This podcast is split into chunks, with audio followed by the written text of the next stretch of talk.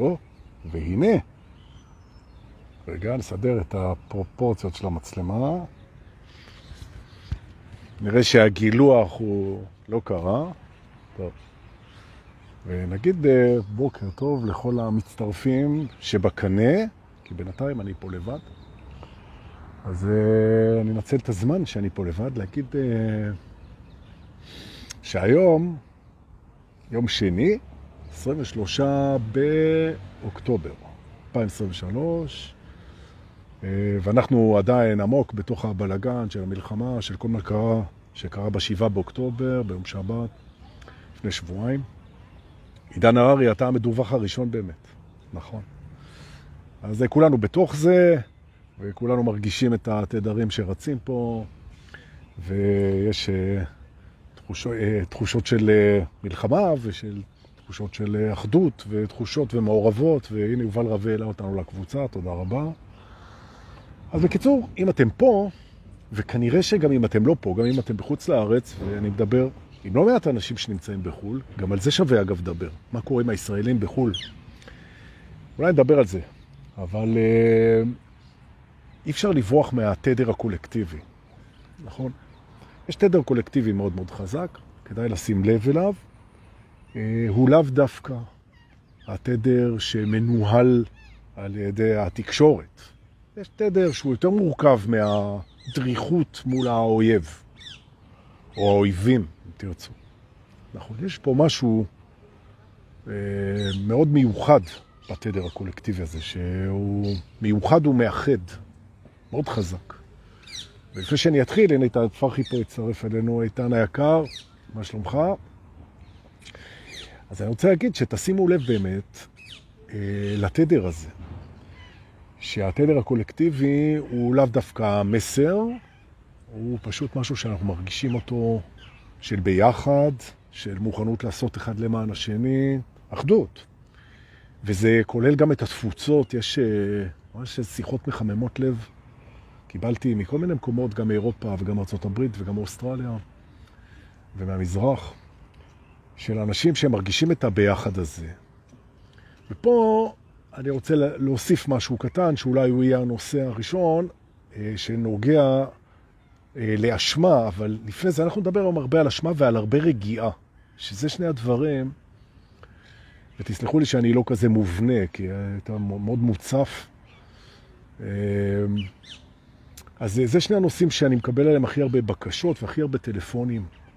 הנושא של התמודדות עם האשמה, והנושא, תבינו איזה, אשמה, כל מיני, והעניין של רגיעה. וכמובן, יש את הטראומה, שבזה עושים מלאכת קודש הרבה מאוד אנשים שהם גם הוכשרו לזה בצורה פורמלית, וגם לא פורמלית, וגם אצלנו בקבוצה הרבה מתעסקים עם הדבר הזה. וגם אני בשבוע הראשון אה, יצא לי בתור מורה רוחני, כי אני לא פסיכולוג או משהו כזה, לתמוך בהמון אנשים אה, במצבים מאוד מאוד קשים, אה, ואני רק רוצה להגיד על הדבר הזה, שכל מי שעושה את זה, כל מי שעושה את זה, ולא משנה מאיזה תחום, ולא משנה איך עושה את זה, אבל הוא תורמך אנשים שנמצאים בתוך הטראומה, וזה לא משנה כרגע איזו.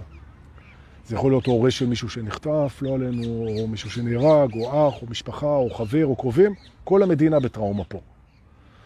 והתמיכה, כל אחד תומך בכלים שהוא מכיר, וזה מקסים. ורק לכם שעושים את זה, וזה לא משנה במי אתם תומכים, זה יכול להיות בחברים, במשפחה, בשכנים, בילדים.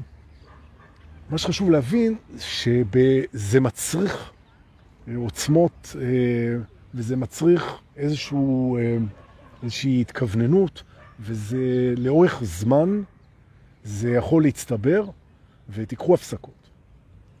ותקחו הפסקות, זה גם קשור לאשמה. לקחת הפסקה, אתה לא יכול לתמוך ולתמוך ולתמוך ולתמוך בלי הפסקה, ימים ארוכים עוד ועוד ועוד, כי אתה תתפרק. נכון? כי גם אם אתה עובד נכון, ואתה מייצר buffer טיפולי או הדרכתי בינך לבין האנשים, כדי לאפשר שתוכל לעזור להם, buffer זה מרווח. עדיין, כתוצאה מהחיבור, ונוצר חיבור, כי בלי חיבור אתה לא יכול לעזור, בחיבור זורם אליך משהו מתוך הקיבוץ הזה, מתוך הטראומה הזאת, מתוך החרדה הזאת, מתוך הדבר שמולו אתה נמצא. וזה מצטבר.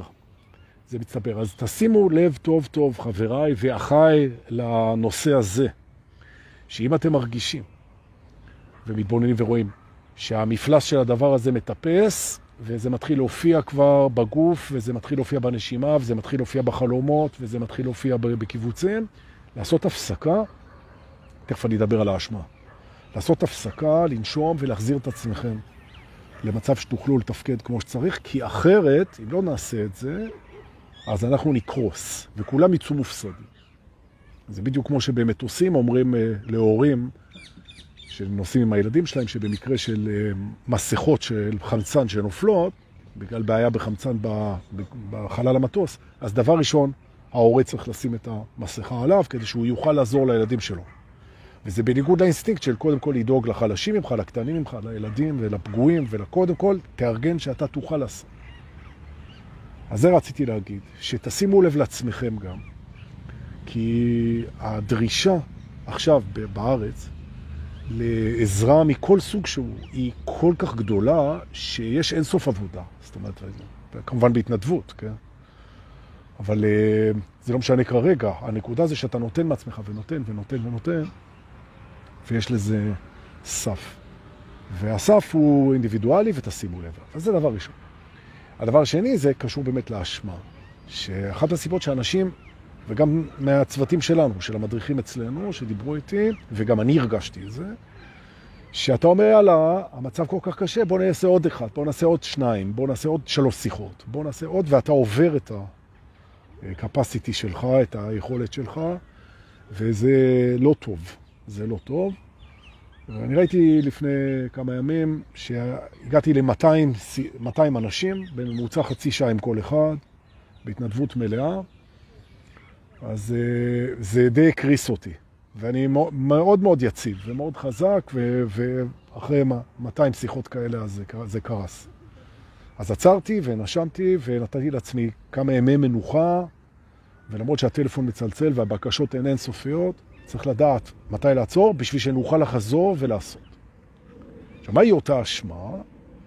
האשמה אומרת שמי אנחנו, שהמעט שאנחנו יכולים לעשות זה לשבת ולדבר עם אנשים, ששיחות וטיפולים והדרכות, זה, זה מה שאנחנו עושים. מה זה לעומת אנשים שנמצאים עכשיו בחזית, או אנשים שחס וחלילה אה, נחטפו או משהו כזה לעומת סבלם או המאמץ שלהם או העבדות שספגו, שזה כלום בעצם לטפל באנשים או להדריך אנשים, ומי אנחנו שנעצור בכלל כשהמאמץ שנדרש מאיתנו הוא מינורי לעומת הדבר הזה, ומאחר שהאגו הוא כל היום עושה השוואות, אז ההשוואה הזאת יכולה להוביל אותנו להרגיש אשמים שאנחנו לא עושים מספיק, שאנחנו מתפנקים, שאנחנו לוקחים יום ויורדים לים, או צוחקים בערב, צוחקים בערב עם חברים, או רוקדים, או יוצאים מהדבר הזה ורואים איזה סרט בנטפליקס או משהו כזה, אז אני אומר לכם שוב, זה מאוד חשוב ההתאווררות הזאת. זה מאוד מאוד חשוב, מאוד חשוב כדי שאנחנו, נכון, נוכל לעשות יותר. ואיתן כותב פה אשמת הניצולים, זה סוג נוסף של אשמה, וזה גם משהו שאנחנו פוגשים איתו הרבה, החבר'ה מהדרום, אה, גם מהמסיבה, פגשתי הרבה במפגש של החבר'ה של נובה בחוות רונית, שנסעתי לשם, וגם אנשים שמגיעים עכשיו, כל מיני מסגרות מהדרום, ובאמת אשמת הניצולים זה משהו שצריך להתמודד איתו, זה קורה גם בתוך משפחות, מאוד קשה. גם הבוקר דיברתי עם מישהי שהייתה אתמול בלוויה, ואחות אחת ניצלה ואחות אחת נרצחה. והאחות שניצלה, כי היא פשוט לא הייתה בדרום באותו יום, הייתה אצל דודה שלה במרכז הארץ. וזה נורא נורא נורא קשה, כאילו, כי קשה מאוד להבין למה דווקא אני ניצלתי ואחרים לא, ואוקיי. אז אה, פה אני רוצה להיכנס לעניין של האשמה. אז בואו תיקחו אוויר, ואחר כך, אחרי שאנחנו נגמור עם העניין של האשמה, בלי להרגיש אשמים יותר מדי, אנחנו נעבור לעניין של שלווה ורוגע, ואני ארחיב, כי נורא ביקשו. איך להגיע לשלווה ורוגע בימים כאלה ובמתחים כאלה, ואני אדבר על זה, תוכלו להפיץ את זה, רוצה להגיד תודה גם בהזדמנות הזאת.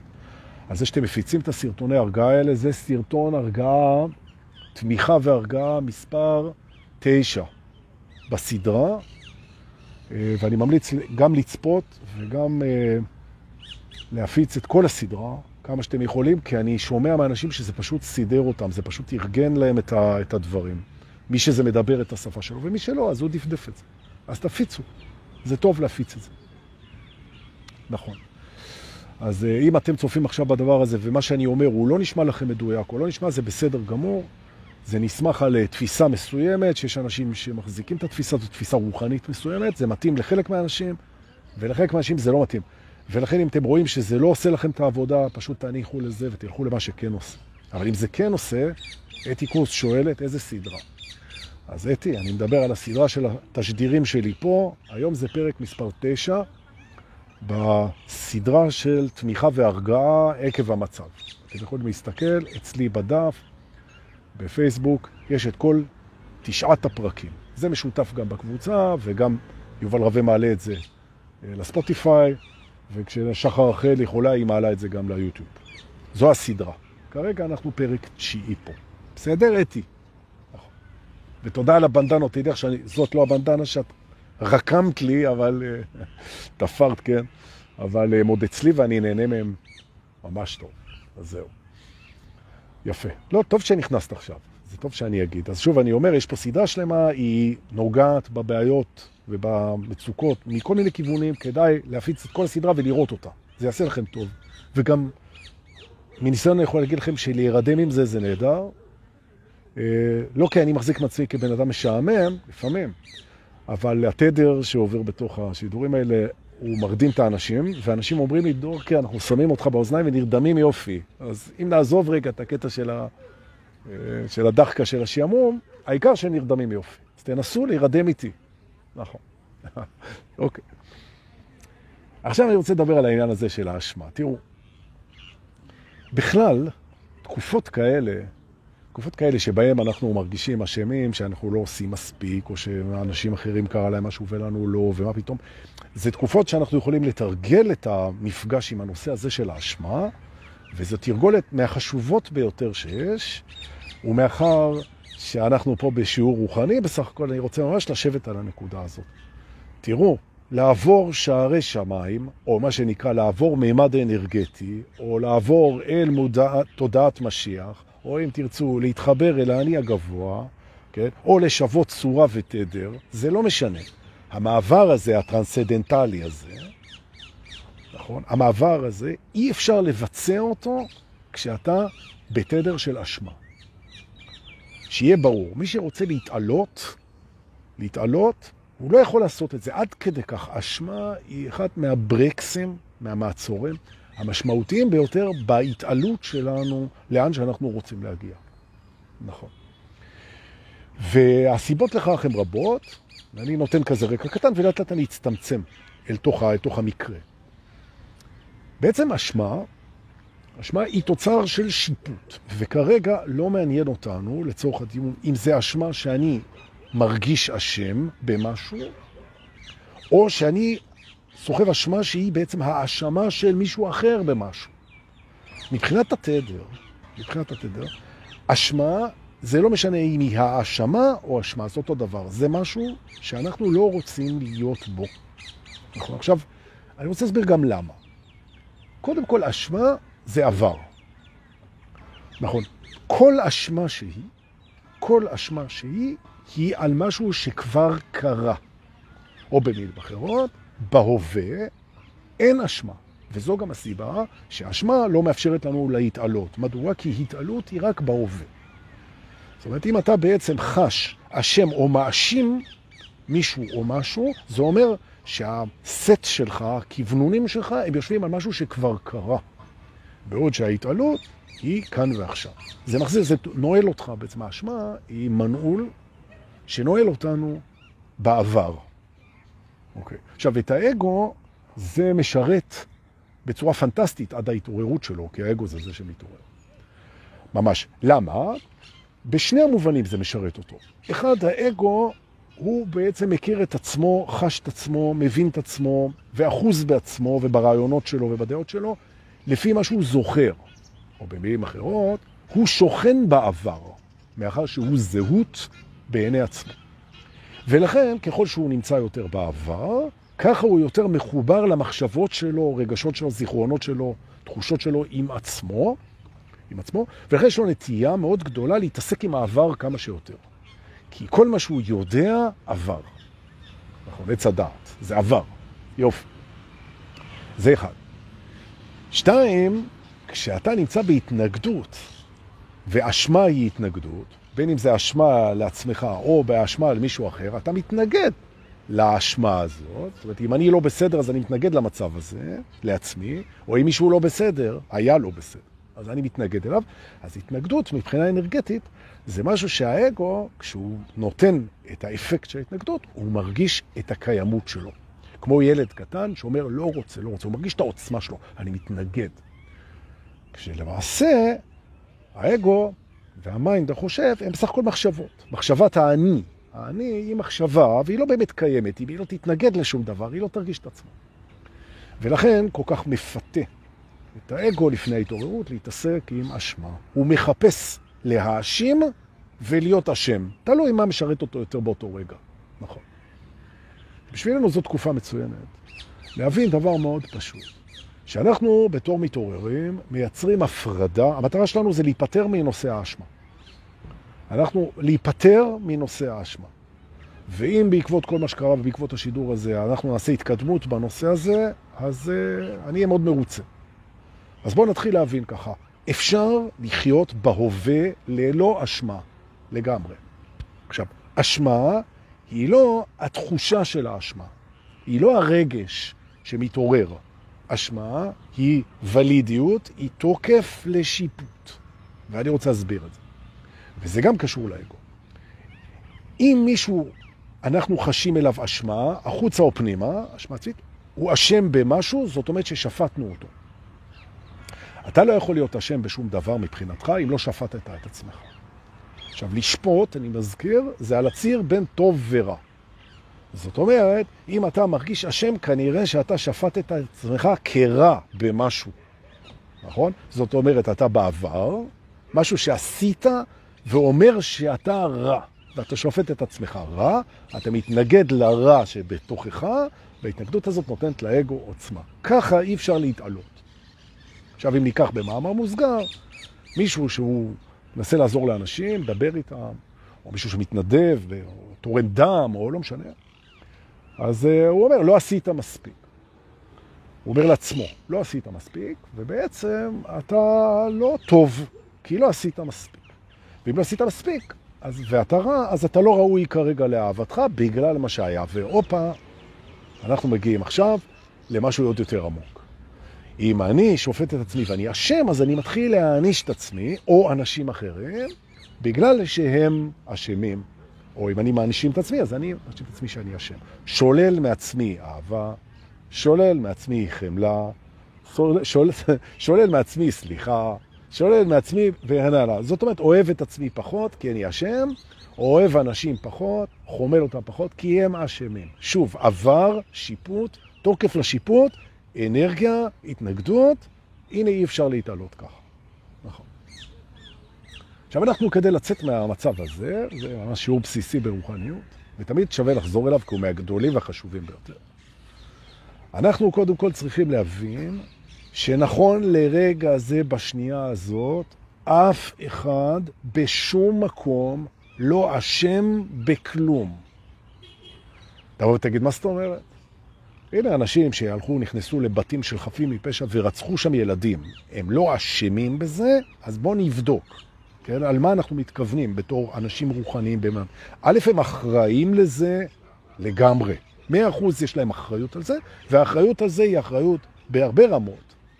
ומבחינה של חוק ושל אתיקה ושל פלילים ושל מערכת יחסים בין אדם לחברו, הם אחראים לזה לגמרי עד עונש מוות.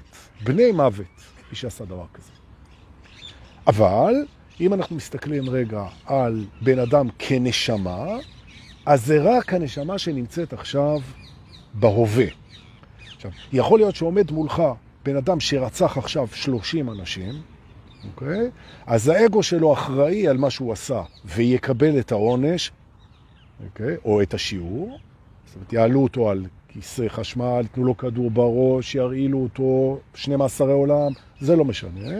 וזה בגלל שהוא אחראי על המעשים שהוא עשה, כנשמה שנמצאת רק בהווה, הוא לא אשם בשום דבר. הוא לא אשם בכלום. האגו אחראי לעברו, הנשמה בהווה לא אשמה בכלום. האגו אחראי, הנשמה לא אשמה. עכשיו, למה זה חשוב להבין את הדבר הזה? כי בהווה, בהווה, העבר איננו. צריך לזכור את זה. העבר איננו. האשמה היא תמיד בעבר. ואנשים אחראים לעברם, ואנחנו לא ניתן לאנשים לברוח מאחריות לפגיעות שהם עשו. נרדוף אותם עד הסוף. זה אחריות. אבל ברגע ההווה, העבר איננו, ולפיכך גם אין אשמה. עכשיו, למה זה חשוב? זה חשוב בשבילנו, ופה נכנס העניין של הסליחה. כששאלתם מה זה סליחה, והרבה שאלו, אז אומר את הדבר הזה, הסליחה היא בשביל הסולח. עכשיו, יש מעשים, תבואו ותגידו, שאין עליהם סליחה. נכון, על המעשה אני לא סולח, אבל הנשמות סלוחות. הנשמות סלוחות. עכשיו, אותם אגואים, אותם בני אדם שעשו בחירה לפגוע באנשים אחרים, נאצים, טרוריסטים, רוצחים סדרתיים, מה שאתם רוצים, כן? הם ישלמו את המחיר מתוקף היותם אחראים על מעשיהם, את המחיר המלא, נכון? יש צדק, יש מערכת משפט, והם אשמים בדין. מבחינה אנרגטית, אנחנו רואים הווה עם נשמות. נכון. האגואים שילכו לכלא, ישבו על כיסא, על אה, כיסא חשמלי. אין בעיה. ההפרדה הזאת מאפשרת לנו ברגע ההווה לסלוח לכל העולם. זה לא אומר ששחררנו מישהו מאחריות, אוקיי? אשמה ואחריות מופרד. לאחריות אין תדר. אחריות זה אומר ככה, אתה רצחת מישהו, אז אתה תשלם את המחיר. עוד לפני המחיר הקרמטי. אתה תשלם את המחיר, תעלה לגרדום. פגעת, תשלם את המחיר. זה אחריות, אין לזה תדר, יש לזה רצון. הרצון של החברה זה להרתיע ולהעניש את מי שפוגע, וזה בסדר גמור, נכון. לזה אין תדר. עכשיו מה קורה? בן אדם כזה שרצח מישהו, מקבל את עונשו, לא משנה כרגע מה עונשו, מקבל את עונשו, מבחינת התדר שלנו, מבחינת התדר שלנו, הוא אחראי ותמיד יהיה אחראי על מה שהוא עשה, אין אשמה בהווה. אין אשמה בהווה. עכשיו האגו אומר, למה? מה קרה? שאני אוותר לו על זה שהוא אשם. אני אגיד לך מה קרה. מה שקרה, שאתה, עם זה שאתה לא מוותר לו על האשמה, אתה מחזיק את התדר של האשמה, האשמה היא עבר, והיא תוקף לשיפוט, ואתה לא תצליח להתעלות. ולכן בהווה סליחה מלאה בלי לשחרר מאחריות. והאחריות היא קשה.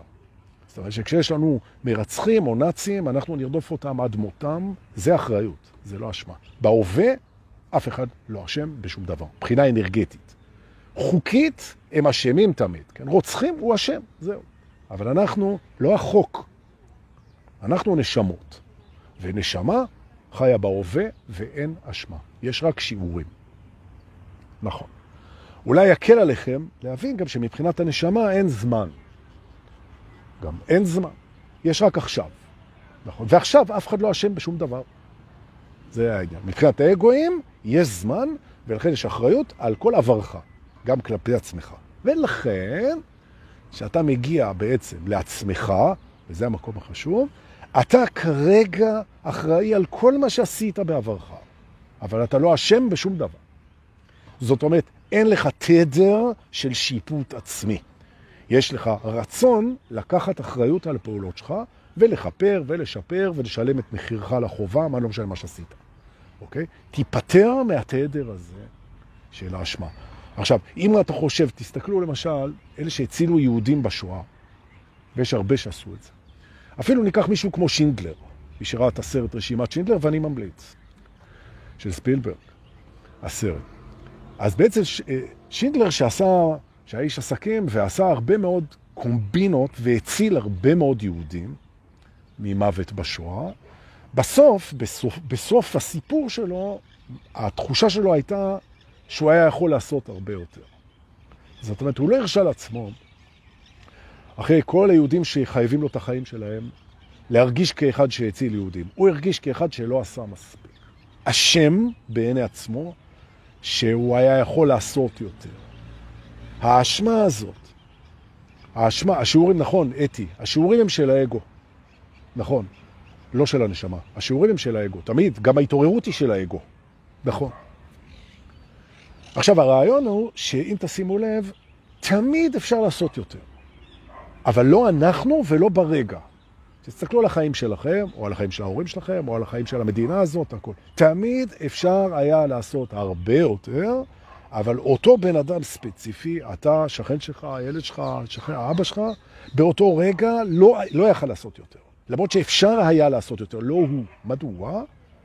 כי אם היה אפשר לעשות יותר והוא היה יכול, או אתה היית יכול, אז למה, ש... למה שלא לעשות? זאת אומרת, היה משהו שעצר את זה שיכולת לעשות, ולכן זה אומר שלא יכולת לעשות, כי אנחנו כן רוצים לעשות הכי טוב שאנחנו יכולים. זאת אומרת, יש לנו פה תפיסה, וזו תפיסה רוחנית, שאומרת, אחריות ואשמה לא אחד הם, האגו אחראי למעשיו, אפילו עד גזר דין מוות, אין שום בעיה. הנשמה בהווה היא חפה תמיד, גם שלי. אין תדר אשמה ולידי, אני לא הולך עם תדר, לא מאשים אף אחד ולא אשם בעצמי. עכשיו, תבינו שזה הולך ביחד. וזה הרעיון של הסליחה הכוללת, כמו שאומרים אה, בקורס בניסים, כן? סלחתי לעולם ובא האור. הרעיון הוא שאתה יכול לסלוח לעצמך רק אחרי שסלחת לכל הנשמות, האגואים יבואו על עונשם, גם שלך, וילמדו את השיעורים שלהם, אין שום בעיה. אתה בתדר, אין אשמה. נקי מאשמה. נקי מאשמה, וזה זמן טוב לתרגל את זה. נכון? דווקא מקומות שמגרים את העניין הזה. ולכן תבדקו כל הזמן, כל הזמן, האם אתם סוחבים איתכם אשמה על משהו מהעבר, ואם כן, פשוט תיקחו עליו אחריות ותשחררו את האשמה. וכנ"ל גם אנשים אחרים. אנשים אחרים אשמים בכל מיני דברים, שיקחו על זה אחריות, גם אם הם לא לוקחים על זה אחריות. בתדר של עכשיו אין אשמה, וזה בשבילנו שנוכל להתעלות. אין אשמה. נכון. וכל פעם, עכשיו זה מאוד אנושי להרגיש, האגו מאוד אוהב את האשמה, כל פעם שאנחנו מרגישים אשמה, זו קריאה לשיעור. אה, אני מרגיש אשם, בוא נבדוק. בוא נבדוק. האם זה מהעבר? כן. האם שפטתי? כן. האם אני יכול לשפוט? לא. האם יש פה עניין של אחריות? כן. בוא נפריד אותה, נפרק את זה ונשחרר את התדר. לא ללכת עם אשמה. ולכן מה שעשיתם עד היום, זה הכי טוב שיכולתם לעשות, ואתם לא אשמים בשום דבר. בכלום. יש דברים שאתם אחראים עליהם, ואתם גם תיתנו עליהם גם את האחריות וגם את הפיצוי וגם את הכפרה וגם את השיעורים וגם את הדין, זה לא קשור לאשמה. אנחנו לא באנו לשפוט, לא אנשים ולא את עצמנו. נכון. ולכן אנחנו לא שופטים, לא את אלוהים, איך עשית דבר כזה? לא אנשים אחרים, איזה בני עוולה, זה האגואים שלהם, זה לא הנשמות. אנחנו לא שופטים אותם, אנחנו שמים עליהם את האחריות. נכון, אנחנו לא השופטים. ואז אנחנו מגיעים לעצמנו. אתה טוב. אתה טוב. עשית טעויות כמו כולם, פגעת כמו כולם, קח אחריות כמו כולם, תפצה מה שאתה יכול, תלמד את השיעורים, יש הגנה קרמטית על הסיפור הזה, ויש גם שיעורים קרמטיים, ויש דין קרמטי, אין אשמה. נכון. ולכן אם ניצלו חייך, יש, עשו על זה גם איזה סרט, יש איזה מטוס שהתרסק שבארצות הברית, עם איזה 380 נוסעים שנהרגו כולם, בן אדם אחד יצא ללא פגע. כולם נהרגו בהתרסקות, יצא בלי שריטה. בן אדם אחד. אני חושב שעשו על זה סרט עם דסטין הופמן, אני לא בטוח, אבל סיפור אמיתי. וזה שישב איתו לשיחות, פרסם ספר, שגם את זה אני לא זוכר, ועיקר הספר היה באמת איך מתמודדים עם הדבר הזה, שאתה היית באירוע שבו נהרגו 380 אנשים ויצאת בלי שריטה. אתה מתמודד עם זה. כאילו, למה דווקא אתה? או. וזה מוביל אותנו, אנחנו יוצאים קצת מהעניין של האשמה, אה, והולכים לעניין של ידיעה. תראו, אנחנו, יש בתוכנו במצבים כאלה כמיהה להבין, להבין למה, למה זה קרה. למה זה קרה? למה זה קרה לי? למה זה קרה לי? למה זה קורה? למה זה קרה? איך זה יכול לקרות?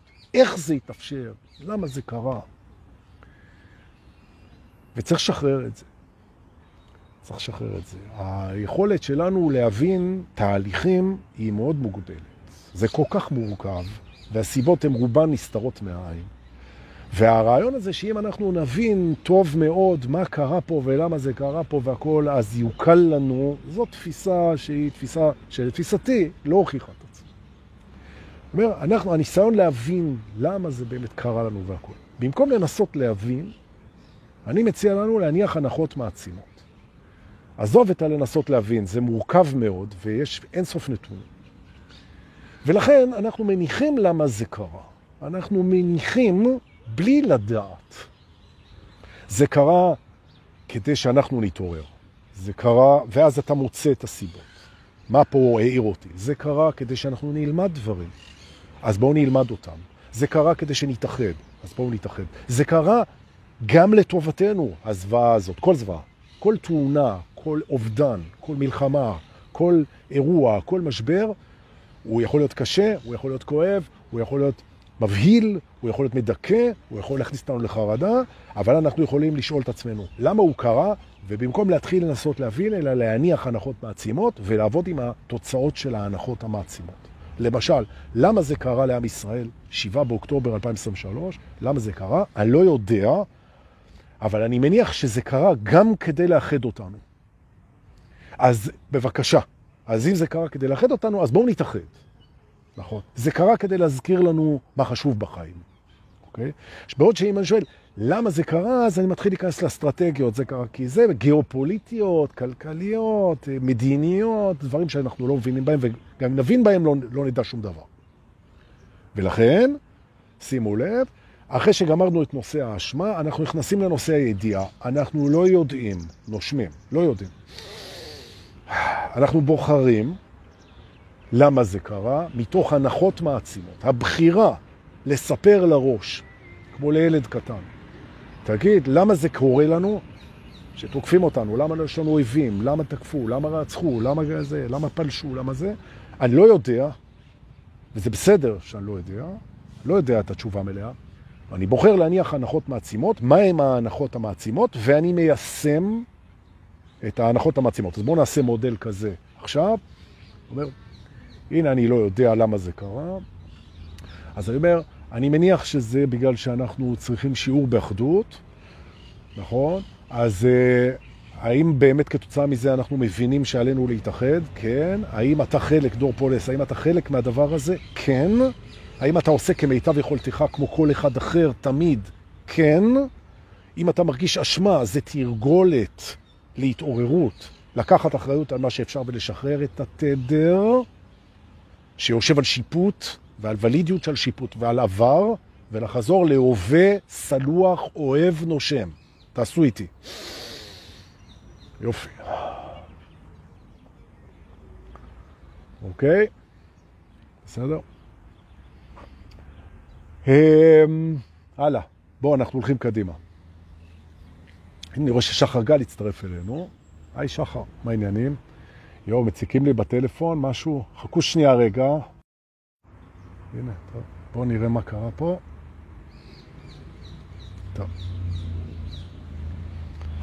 נקטע לי השידור, קשרו מהבית, נג'ס, אבל אני לא כועס עליהם.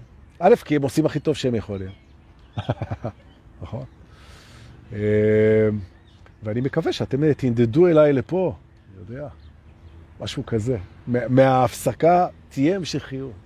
נכון. אז הנה, אני רואה שאנשים חוזרים, לאט לאט. בסדר, טוב שחזרתם. זה הכל.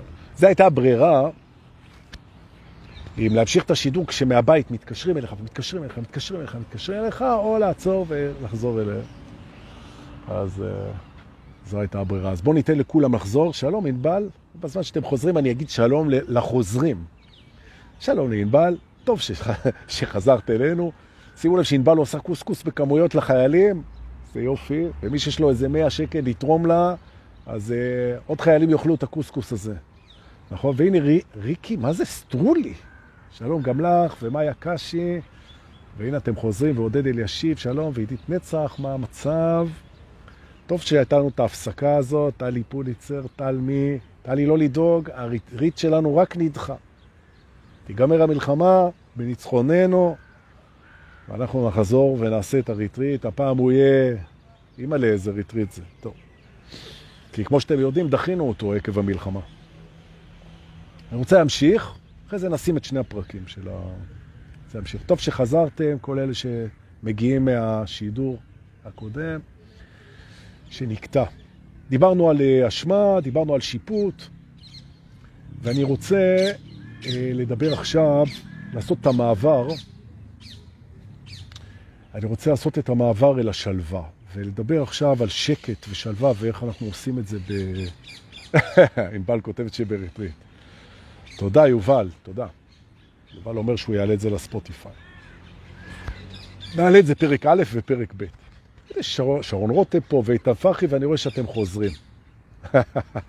מה, מה פתאום, שאני אסיים באמצע, מה קרה לך? ואם כן, היית סולחת לי, נכון? כי הייתי לוקח איזה אחריות, אבל לא הייתי אשם בזה. בכלל, תדעו לכם, שהרי זכיתי ואני מלווה מדריכי התעוררות כבר הרבה שנים, וגם מתעוררים, וכל מדריכי התעוררות, ויש פה מלא, מלא מדריכי התעוררות, אה, הם עדים לרגע, לרגעים האלה אצל בן אדם שהוא פתאום רואה מצב בחיים שיש לו טריגר אשמה, טריגר אשמה, שבמצב הקודם הוא היה מקבל את התדר הזה שמחווץ אותו למצב של אני אשם, וזה לא קורה. ואתם יודעים על מה אני מדבר. זה חלק מהסימפטומים הכי מבורכים של תהליך ההתעוררות. טריגר אשמה, וזה לא משנה מה מאיר את הטריגר, זה יכול להיות שיפוט עצמי, זה יכול להיות בני משפחה שאוהבים ללחוץ, או לא בכוונה, לוחצים לך על השיפוט. ובקיצור, אתה מכיר מקום שבו פעם היית מתכווץ כאשם או כמאשים, תוקף כמאשים, ולא, אתה משחרר את זה, משחרר את זה. ובלי התדר, ואני רואה לפעמים יש בעלי מקצועות, אתם מביאים איזה אינסטלטור, איזה חשמלאי, איזה מישהו, שבעצם עושה קצת גזל. הוא עושה, אתם רואים את זה גם בטלוויזיה וזה. הוא בא, הוא עושה איזה תיקון קטן, והוא תוקע איזה מחיר, הוא עושה, הוא עושה גם... אז הוא אחראי על הדבר הזה.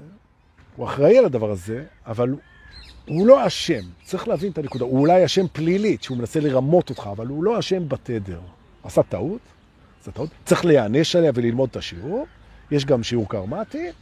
אני בטח לא שונא אותו כנשמה, ואני משחרר אותו, ואז אני יכול לשחרר את עצמי ולהתעלות. הבנו את הרעיון הזה ותתרגלו את זה, תתרגלו את זה, זה מהשערים, משמונת השערים. זה אחד משמונת השערים החשוב ביותר אולי, חוץ מההווה. והוא קשור אליו, כי בהווה אין אשמה. אוקיי. בואו נלך על הנושא השני, וזה הנושא של השקט והשלווה. אוקיי. שלווה ושקט פנימי הם באים בעצם מתרכובת, מתרכובת של דברים שאני רוצה לעמוד עליהם פה. קודם כל, קודם כל אנחנו חיים בהווה. ההווה שלב. ההווה שלב. מדוע? כי הוא ככה. ככה. עכשיו, תחשבו שנייה, אתם עכשיו איתי פה, כרגע, בשנייה הזאת, הכל בסדר. בשנייה הזאת הכל בסדר. עכשיו, ה mind שלכם, הוא לא ייתן לכם לקבוע אף פעם שהכל בסדר כשהעתיד לא ברור, ועוד יש איום, אימא'לה, או שהעבר היה אה, פוגע או מפחיד או לא נעים. מדוע? כי הזהות של האגו היא מחשבת האני, ומחשבת האני יושבת עם כל המחשבות, והמחשבות יושבות בזיכרון, והזיכרון זוכר את מה שהיה ואת הפחדים של מה שיהיה, ואז אין שלווה. אבל כשאתה ער, ואתה נוכח בהווה, הכל בסדר עכשיו, ועכשיו זה כל מה שיש. אז אמרנו קודם כל, כניסה להווה מביאה שלווה. אתה מרגיש שאתה מאבד את השלווה שלך בגלל איומים שהולכים ונבנים בתוך המחשבות שלך או בתקשורת, טילים, אויבים, סכנות, כל הדברים האלה. אז אני אומר, מלבד ההיערכות הפיזית של פעולות שאתה מחליט לעשות מול איומים אפשריים, וזה בסדר לעשות ולפעול, מעבר לזה, שים לב שאתה נמצא בהווה, ואתה נושם את ההווה, ותעשו את זה איתי. בואו נהיה לרגע רק פה, גם בהרגשה, גם במחשבה, גם בכוונה, גם בגוף, גם בנשימה, גם ביחד. ניקח ידיים, תקחו ידיים אחד עם השני, כולנו פה בשידור. תקחו ידיים אחד עם השני, כמו שאנחנו עושים במרתון מדריכים, חוטי זהב, מתחברים. תתחברו לאנשים שפה, וגם לכל האנשים שרואים ויראו את השידור הזה, תתחברו ותנשמו את עכשיו. ועכשיו הכל בסדר, תנשמו. פנימה, הכל בסדר. עכשיו הכל בסדר. נושמים. עכשיו הכל בסדר. אז הראש אומר, כן, אבל מה יהיה? ואתה רגע אחד. לגבי מה יהיה, אנחנו נעשה מה שאפשר, ואני מזכיר לכם שוב, מה שדיברנו בחלק הראשון, שתמיד אפשר יותר, ולא משנה מה תעשו, תמיד הוא אומר למה לא עשית יותר, למה לא עשית יותר, לעזוב את זה. בהווה אין יותר. נושם עכשיו, נוכח, הכל בסדר. חלק אחד, כניסה להווה. שלוות ההווה. עכשיו הכל בסדר. חלק שני הוא קבלת מה שאתה לא יכול להשפיע עליו. נכון. תעשה מה שאתה יכול, תקבל את כל השאר. עכשיו, למתקדמים, אם אתם מרגישים שאתם שוחים בחומר, אז תרצו את כל השאר. תקבל, תקבל את מה שאתה יכול לשנות, לא יכול לשנות ותשמח בו. למה שלא תשמח בו? כי היית רוצה לשנות אותו, אבל אתה לא יכול לשנות אותו, אז תשמח בו. הוא כנראה צריך להיות ככה. נכון. זה לא מפריע לך לנסות לשפר אותו ככל יכולתך, אבל בינתיים המצב, המצב, שנה את מה שאתה יכול לעשות לטובתך, קבל את מה שלא בשליטתך, קבל את זה, קבל את זה. מה זה לקבל את זה? תפסיק להתנגד לזה. סגור את ההתנגדות. זוכרים? ההתנגדות מהשיפוט? יופי. עכשיו, אם אתה לא מצליח לעשות את זה, אל תרגיש אשם, אבל קח על זה אחריות. לא תרגלת מספיק, אבל אתה לא אשם בזה. אוקיי? אני עושה את החיבורים עם ה... יופי. נושמים, נוכחות בהווה, עושים את כל הפעולות שאפשר, הכי טוב שאנחנו יכולים. תמיד אפשר לעשות יותר, לא אנחנו ברגע, כי אחרת היינו עושים. נוכחים בהווה ומקבלים את מה שאנחנו לא יכולים לשנות. נכון. שבת שבעה בחודש לפני שבועיים, השבת השחורה של מדינת ישראל, קרתה. אנחנו לא יכולים לשנות את זה. זה קרה. העבר שלנו קרה. השואה קרתה. כל הדברים האלה קרו. אנחנו לא יכולים לשנות את זה שהם קרו. אנחנו יכולים ללמוד את השיעורים, יכולים להתפתח, אנחנו יכולים לעשות כל מיני תהליכים, עם עצמנו בעיקר. אבל אנחנו לא יכולים לשנות את העבר, ולכן אנחנו נקבל אותו. ואם אתם מספיק שוחים בחומר, אז אתה יכול אפילו לשמוח בו. זאת אומרת, מה זאת אומרת לשמוח בו? לשמוח שנהרגו אנשים והכל? לא, לשמוח בזה שאתה יכול לקבל את זה. נכון. כי אנחנו לא נשמח בדברים ש... שאנשים סבלו מהם, אבל אנחנו כן נשמח מהיכולת שלנו לא להתנגד למה שאנחנו לא יכולים לשנות. אז מה, דורקי, אתה שמח שהייתה שואה? לא, אני לא שמח שהייתה שואה, אבל אני שמח שאני יכול לקבל את זה שהייתה שואה. מזה אני שמח. נכון. המסע הפנימי. שלווה, נוכחות בהווה, נשימה, אנחנו בלי התנגדות ובלי אשמה, כל הזמן נושמים, לא מתנגדים למה שלא יכולים לשנות, ועושים כמיטב יכולתנו, ולא מרגישים אשמים שאנחנו לא עושים יותר. נכון. עושים הכי טוב שאנחנו יכולים, והם משחררים. שקט ושלווה. הלאה. יישום השיעורים קשור מאוד לשקט ושלווה. מדוע? כי אם אתה לא מיישם את השיעורים של הדברים הלא נעימים שאתה פוגש, וכולנו פוגשים דברים לא נעימים. כל הזמן. ואנחנו כל היום וכל הלילה פוגשים דברים נעימים ודברים לא נעימים. נכון. הדברים הלא נעימים הם שיעורים. מי קבע? ההנחה לראות את זה ככה.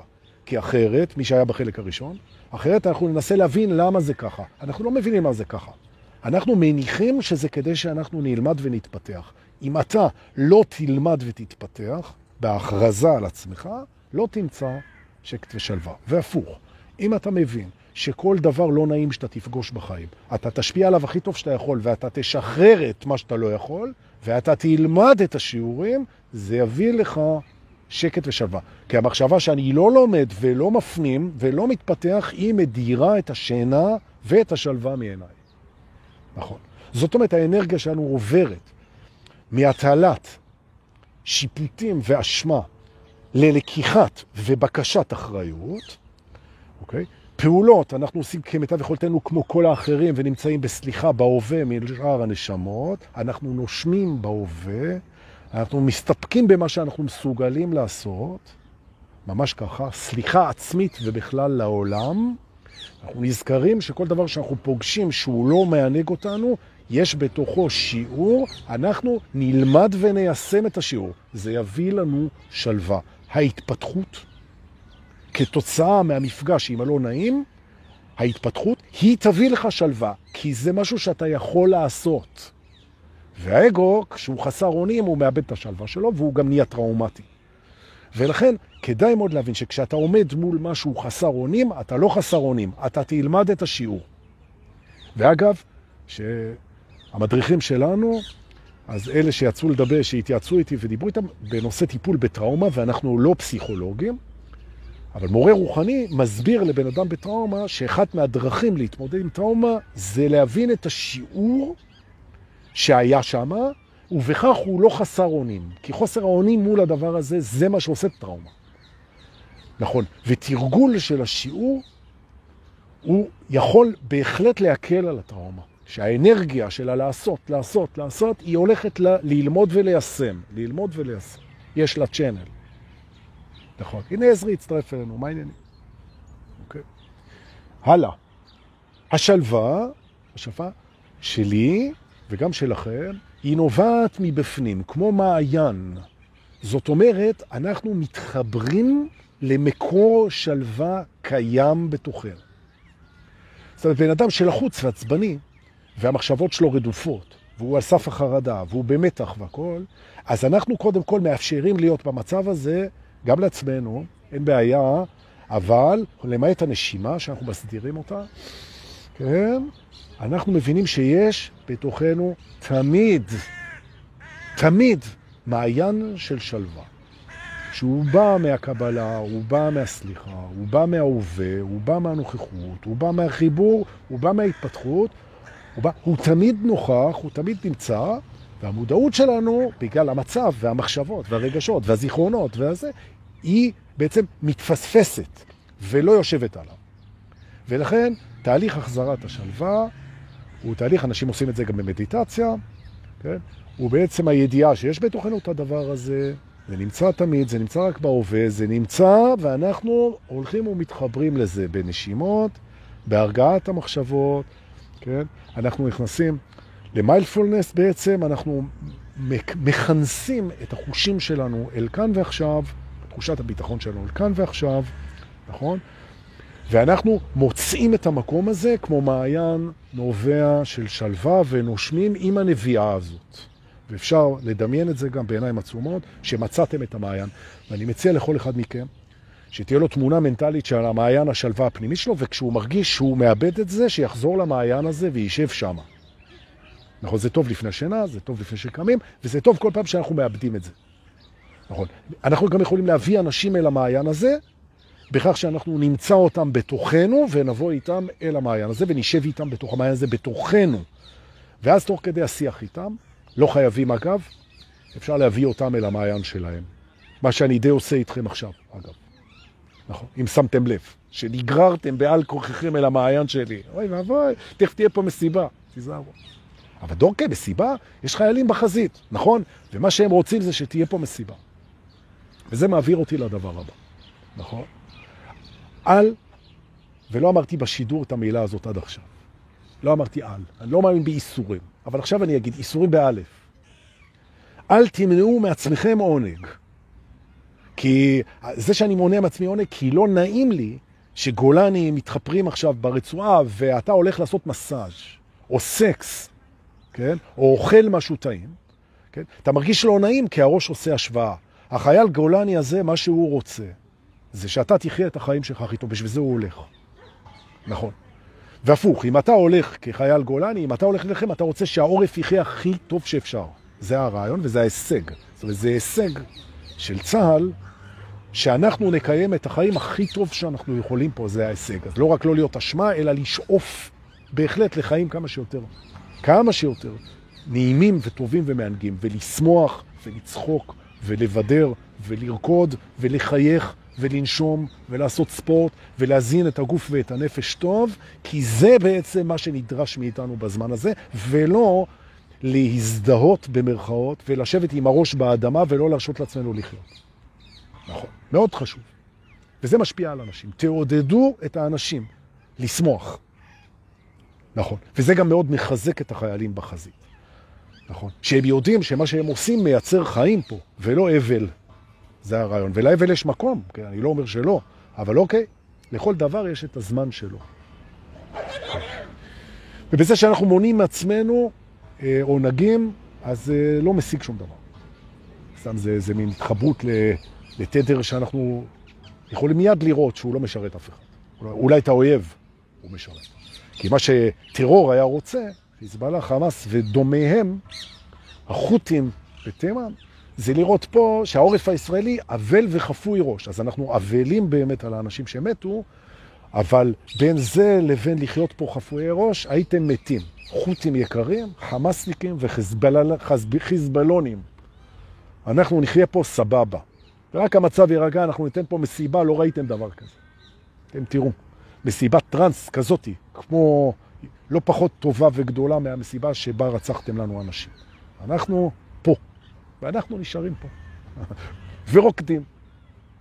יפה. אז שקט, אמרנו את הדברים האלה, זה בא מבפנים, זה בא מהמעיין, זה בא מסליחה, זה בא בלי אשמה, זה בא בקבלה, זה בא מהרגע הזה, אוקיי? הלאה, עכשיו עוד דברים שנותנים לנו שקט ושלווה, אוקיי?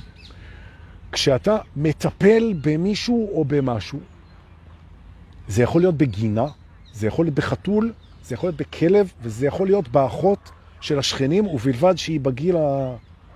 מעל גיל 21. כן? ורצון הדדי, כן? בדחקה. אבל כשאתה מטפל במישהו, חוץ מבעצמך, זה ירגיע אותך. כשאני מדבר מטפל זה, הופה, הנה השכן שלי. נכון, דואג למישהו ברמת ה-taking care of, כן? לא ב-worries, אוקיי? זאת אומרת הידיעה שאתם עכשיו, יש גינה, יש כלב, יש חתול, עכשיו, יש מלא כלבים אגב, של, אה, שבאו מהרצועה, שרצועה, לא הרצועה לי, של הרצועה עזה strip, כן? מהעוטף. שבאו מהעוטף, לא מהרצועה, סליחה, מעוטף ישראל, מה שנקרא. ומהיישובים יש שם גם כלבים שהבעלים שלהם נהרגו נחטפו או פצועים. בקיצור, תבררו, מי שרוצה לקחת כלב כזה אומנה, זה יביא לך שקט. זה גם דבר מדהים לעשות, גם הכלב מאוד יעריך את זה, גם יהיה לך טוב, זה גם הבעלים של הכלב, זה דבר מדהים. יש כלבים, תבררו איפה, אה, ומי שיודע יכול לרשום פה, כי אנשים יודעים. ויש עמותות אימוץ, וכדאי מאוד, כדאי מאוד. יש אנשים שירדו לדרום אה, לחלוב פרות, לעסוק בחליבה, מי שיש לו ידע בזה, לעבוד קצת בשדות. זה מרגיע אותך, שאתה עושה למען, שאתה פועל, עושה את הדברים האלה. גם השלווה קשורה לפעולות, יופי, הלאה. לפני השינה מקלחת, חברים. לא לחפף את זה. אפשר לעשות מקלחת, מים פושרים, לא מים חמים, לא מים קרים. לפני השינה. מים פושרים, טמפרטורת הגוף נעימה, כמה נשימות טובות, הודיה, להודות על מה שיש, ויש כל כך הרבה, במקלחת. במקלחת. יש תופעה עכשיו של אנשים שנכנסים למקלחת לפני השינה ואומרים תודה. אני רוצה להיות חתום על התופעה הזאת. אבל דורקי, אתה קצת פה... אוקיי. אז אה, אני מניח שאם אתם תעשו את הדברים האלה, אתם תפגשו את השקט הזה ואת השלווה הזאת אה, שאני מדבר עליה. נכון. זה לא סותר את העובדה, ובזה אני אסיים את הנושא הזה, שהמיינד יכול להיות שהוא מוטרף במחשבות, שאיבדתם עליו שליטה, זה קורה לפעמים, והמחשבות מתרוצצות, מה יהיה עם הילדים ומה עם הזה, ואולי יצאת מהארץ ואולי פה ומה, והבן שלי, ומה יהיה ומה יהיה ומה יהיה, ורוב המחשבות האלה זה מחשבות שאין מה לעשות איתן. מה שאנחנו עושים עם המחשבות האלה, זה אנחנו מתבוננים בהן מתבוננים בהם ונותנים להם לעבור. מתבוננים בהם ונותנים להם לעבור, תוך כדי שאנחנו מסתכלים אם הן צריכות, המחשבות, אם הן צריכות חמלה ואהבה. אם הן צריכות חמלה ואהבה כי הן מפחדות, אז אנחנו שולחים להם, כמו על מסך של קולנוע, אנחנו שולחים אליהם את החמלה ואת האהבה ומשחררים אותם באהבה. זה הכל. לא מתנגדים להם, לא נכנסים איתם, לא מתווכחים איתם, לא מזדהים איתם. שום דבר. זה בסך הכל מחשבות. המחשבות מוטרפות, חמלה. נשימה, מקלחת, הווה, קבלה, סליחה, מעיין פנימי, ומצאנו את השלווה. שאלה אותי הבוקר מישהי, שאני מאוד אוהב מהקבוצה, היא שאלה אותי איך היא יודעת, שאלה נהדרת, אה, שאלה אותי איך, איך, איך היא יודעת אם היא רגועה באמת או שהיא בהדחקה? שאלה פצצה, ממש. סליחה על השימוש במילה. כן? שאלה טיל. אז אמרתי לה את התשובה. בהדחקה יש מאמץ, וברוגע אין מאמץ. התבונן, אם יש בך מאמץ. כשיש מאמץ יש קיבוץ, וזה מופיע גם בחלומות. אז אם אתה רוצה לדעת אם אתה נמצא בהדחקה, זה מופיע במאמץ, בקיבוץ ובחלומות. בעוד שכשאתה ברגיעה, אז uh, אתה מרגיש שאין מאמץ, וזה לא מופיע בחלומות, ורגיעה אמיתית. נכון. התבוננות.